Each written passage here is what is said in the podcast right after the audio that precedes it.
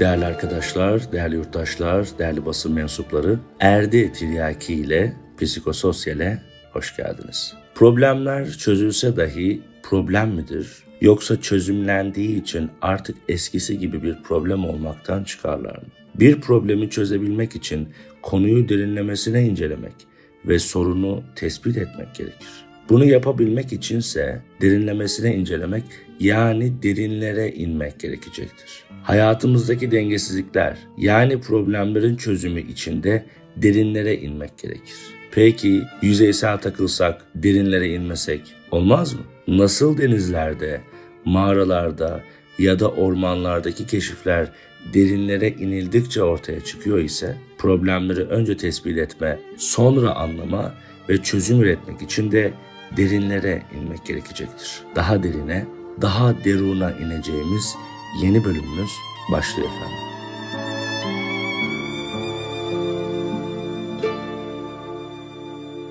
Küçükken yani 7-8 yaşlarındayken ablamla bazı konularda anlaşamazdık. Ve genelde benim cahilliğimden kaynaklanırdı bu durum. Bir gün bana bir konuda direktif verip gitmişti. Yapılmasını istediği işi yapmıyor, yapmak istemiyor olmamın dışında ekstra o kadar sinirlenmiştim ki durduğum yerde kendimi kasıp sıkıp nefesimi tutup öfkeden kıpkırmızı olmuştum. Annem Nursel Hanım bunu görünce neden öfkelisin oğlum dedi kadife sesiyle.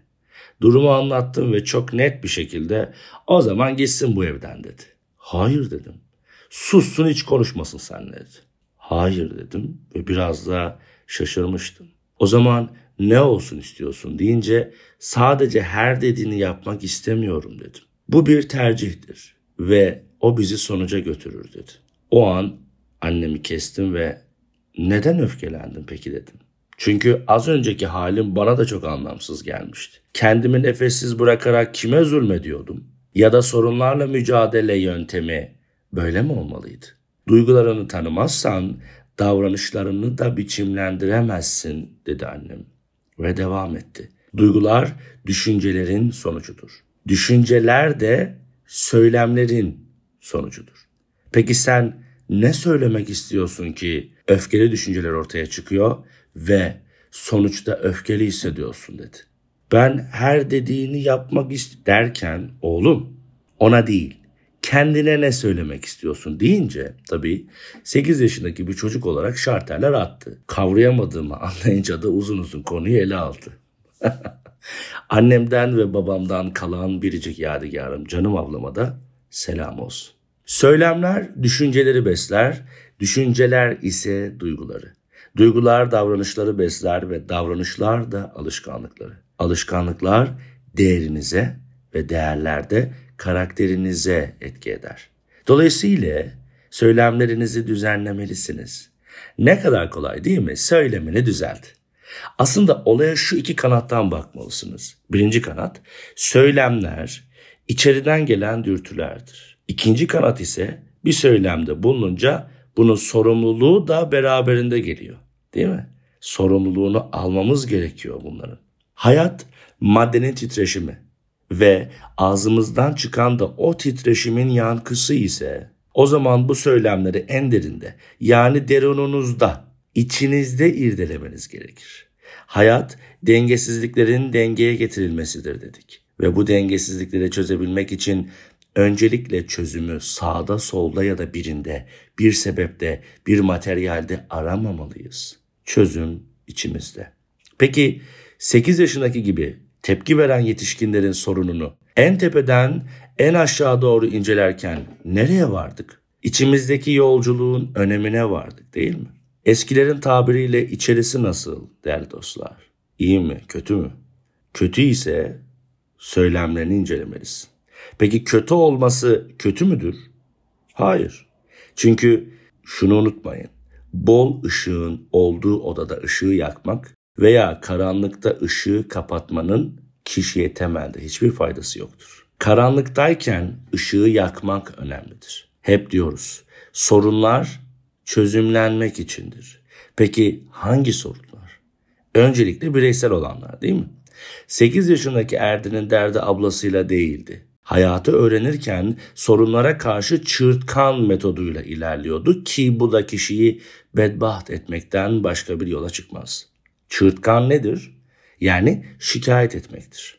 İçeriye yöneldiğimiz bu sohbetimizde birinci durağımız şikayet etmek. Yani durmadan söylenmek. Arkadaşlar, söylenen kişilerin bakış açıları hep negatifi görür. Ancak söylenmek yerine adım atmak sadece konuşmayıp yapan dahilerin işidir ki bu dahiler aslında içimizdeki karanlıklarda ya da bol ışıklardayken neden bol ışık var gözümü açamıyorum ya da karanlıklarda neden ışık yok diye söylenmezler. Karanlıkta ışığı yakarlar. Şikayetle cesaret aynı bedende olamıyor arkadaşlar. Çok net. Eğer sizde karanlıklarda ışığı açma cesareti yoksa o zaman sadece şikayet eder ve mutsuz olursunuz.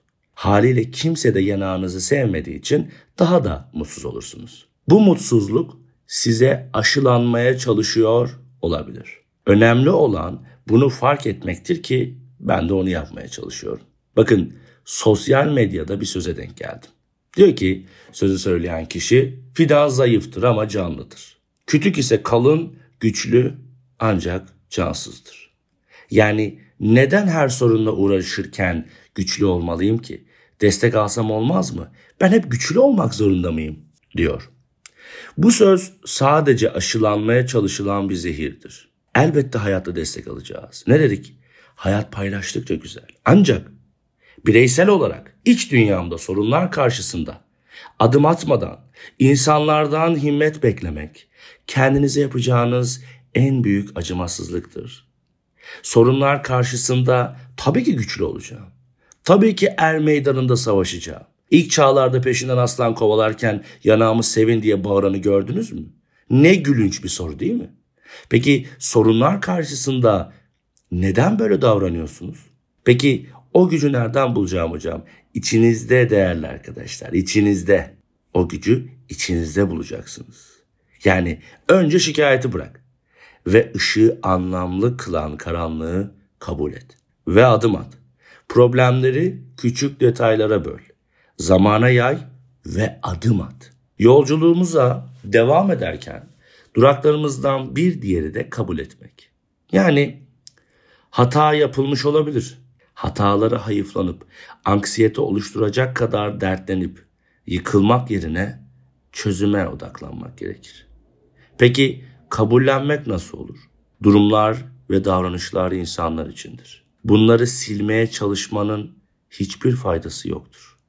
Kabullenip yoluna bakmalısın çünkü geriye dönüp yaptığın hataları silersen kendini de silmiş olursun. Sen hatalarınla ve doğrularınla güzelsin. Kabullenmek durum analizidir.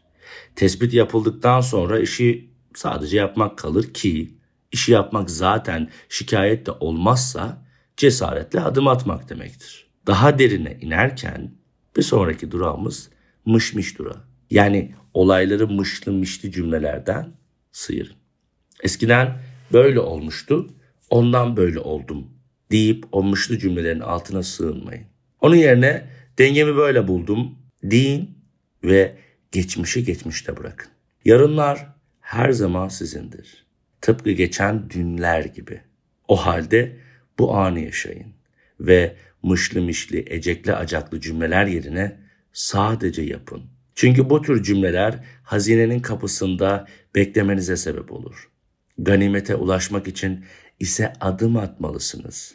Kapıda kalmayın efendim. Buyursunlar. Daha derinde ise duyguların tanımı vardır. Öfkenize sebep olan, üzülmenize sebep olan, her neyse bunun sonucunda ortaya çıkan duygularınız, yani sizi siz yapan en önemli enstrümanlarınız. Duygularınızı yaşamaktan korkmayın. Tabi yaşayın ancak onu da dengede yaşamalısınız. Çünkü duyguları tanımak ve bu şekilde yaşamayı ben klarnet çalmaya benzetiyorum. Rahmetli babam klarneti çok severdi ve çalardı da. Bazen dinlenirken bana klarnetçiler ciğerleri çok yıprandığı için erken gidiyorlar gibi böyle enteresan bilgiler verirdi. Bu durum her klarnet sesi duyduğumda çocuk aklımca şöyle görselleşirdi.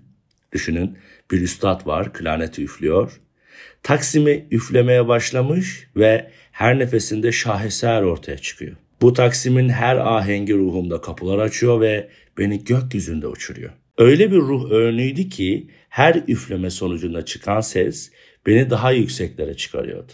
Klarneti her üflediğinde klarnetçi için ömründen bir parça gidiyorsa sen ömründeki parçadan anlamsız ses mi çıkmasını istersin yoksa anlamlı ses mi? İşte duygularınızı yani notalarınızı bilmezseniz klarneti üfleyip iğrenç sesler çıkarırsınız. Ancak notaları yani duygularınızı bilirseniz o zaman sizden kelimelerce şaheserler çıkacaktır değerli arkadaşlar. Anneden gelen değer hissi ve babanın rollerdeki eksikliği hissinin tümü sizi duygularınızı tanıma konusunda yabancılaştıracaktır. Bunun üzerine gidip orada da bu duygunuzla yüzleşmeli ve tanışmalısınız. Bakın annenin doyuramadığını dünya doyuramaz. Bu sebepten işte de aşkta da sizin mutlu olmanız değer hissiyle alakalıdır. Ben annesini ve babasını kaybetmiş biri olarak söylüyorum ki hayatınızda olsa da olmasa da siz onlarla ölesiniz diye sizi dünyaya getirmediler. Onlarla ölesiniz diye yaşamıyorsunuz. Önce kendinizi sevmeniz gerekiyor. Bu hisle barışmanın yolu budur. Baba eksikliğinde olanlar genelde bir çatı altına girmek isterler. Böyle fanatiği olurlar. Mesela bir takım, parti, kulüp vesaire. Buraya da kendilerini adarlar. Buraya adadığınız kadar kendinizi bireysel olarak kendinize yani içinize adasanız nasıl olur? Yolculuğu başkasına değil de içinize başlatsanız da o seyahatten sonra yeni maceralara atılsanız nasıl olur? Değerli arkadaşlar, çatı siz olursanız duvarı da siz olursunuz. Duvardaki şaheser misali tablo da siz olursunuz. İçerideki tabiat harikası çiçek de siz olursunuz. Siz iyiyseniz her şey, herkes iyidir. Unutmayın. Duyguları tanımak derinleşmekle olur. Ve sığlık size derinlik yani dinginlik kazandırmayacaktır. Dengede olmak için dingin olmak gerekir ki bu da ancak derinleşmekle olacaktır. Derinleşmeyi yapabilmek için yani yolculuğa başlamadan önce o trene binmek için şunu netleştirmelisin. Sen istemeyi mi istiyorsun yoksa yapmayı mı? Bakın herkes ister, herkes konuşur. İstemeyi istemek ise en tehlikelilerindendir ki fark edilmezse sadece hedefler tahtasına eline kalemi almadan yüksek sesle konuşmak demektir. Söz uçar, yazı kalır. Yani istemekle yapmak farklıdır. Sigarayı bırakmak istiyorum hocam. Yani istemeyi istiyorsun. Yani vay be bıraktın desinler sen de gururla evet evet de. Peki sonuç? İstemeyi istedin. Peki yaptın mı? Hayır. E ne oldu şimdi? Mesela ben çok zengin olmak istiyorum. E peki gayret çaba var mı? Yok. Yani istemeyi istedin. Yapmayı değil. Çünkü yapmayı isteyen konuşmaz, yapar. İstemeyi isteyen ise vaat verir. Konuşur. Beyinsel ejekülasyon yaşar. Ve boş konuştuğuyla kalır. En başta ne dedik? Sizler konuştuklarınızla yani söylemlerinizle varsınız. Söylemler ile eylemler tutmalı. O sebepten harekete geçmelisiniz. Sığ suda değil, derin sularda yüzme cesareti göstermelisiniz. Bu cesaret için de derinlere inmelisiniz. Cevaplar ve ganimetler içinizde yani derinlerinizdedir. Bu sebepten sadece yapmalısınız. Sığ suda vasıfsız balık yüzer. Derinlerde ise ihtişamlılar. Siz bu hayatta ihtişamlı mısınız yoksa vasıfsız mı? Dinginleşmek için deruna inmelisiniz. Derinlere inmelisiniz ve değerli dostlar konfor alanından çıkmak zorundasınız. Hiçbir savaş mücadele edilmeden kazanılmaz. Hiçbir zorluk eller cebinde aşılmaz, aşılmadı, aşılmayacak. Daha aydınlık yarınlar, daha dengeli bakış açısında olana değin, kendinize iyi bakın, hoşçakalın efendim.